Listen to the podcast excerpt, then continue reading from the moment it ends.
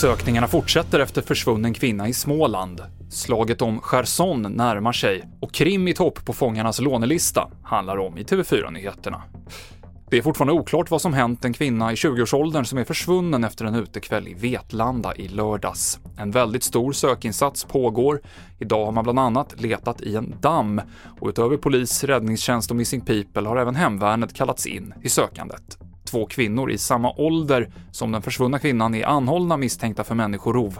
Imorgon kommer det besked om eventuell häktning. Ryssland inför krigslagar i de ukrainska områden som man ockuperar, vilket innebär ännu striktare censur och minskade möjligheter för människor att samlas. Samtidigt så rycker ukrainska styrkor fram mot den rysk-ockuperade storstaden Cherson i sydöstra Ukraina, som börjat utrymmas på civila av det lokala ryska styret. Och Cherson är en strategiskt viktig plats, säger Rysslands kännaren Malcolm Dixelius.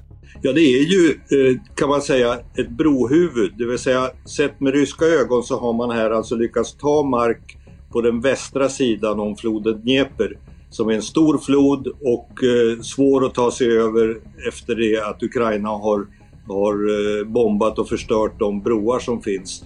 Så att blir man tvungen att evakuera härifrån då blir det otroligt svårt att ta sig tillbaka över Dnepr igen. Mer om kriget i Ukraina på TV4.se.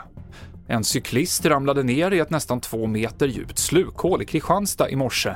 Hon klarade sig utan skador, men cykeln blev kvar i hålet som orsakades av en vattenläcka, säger räddningstjänsten till SVT.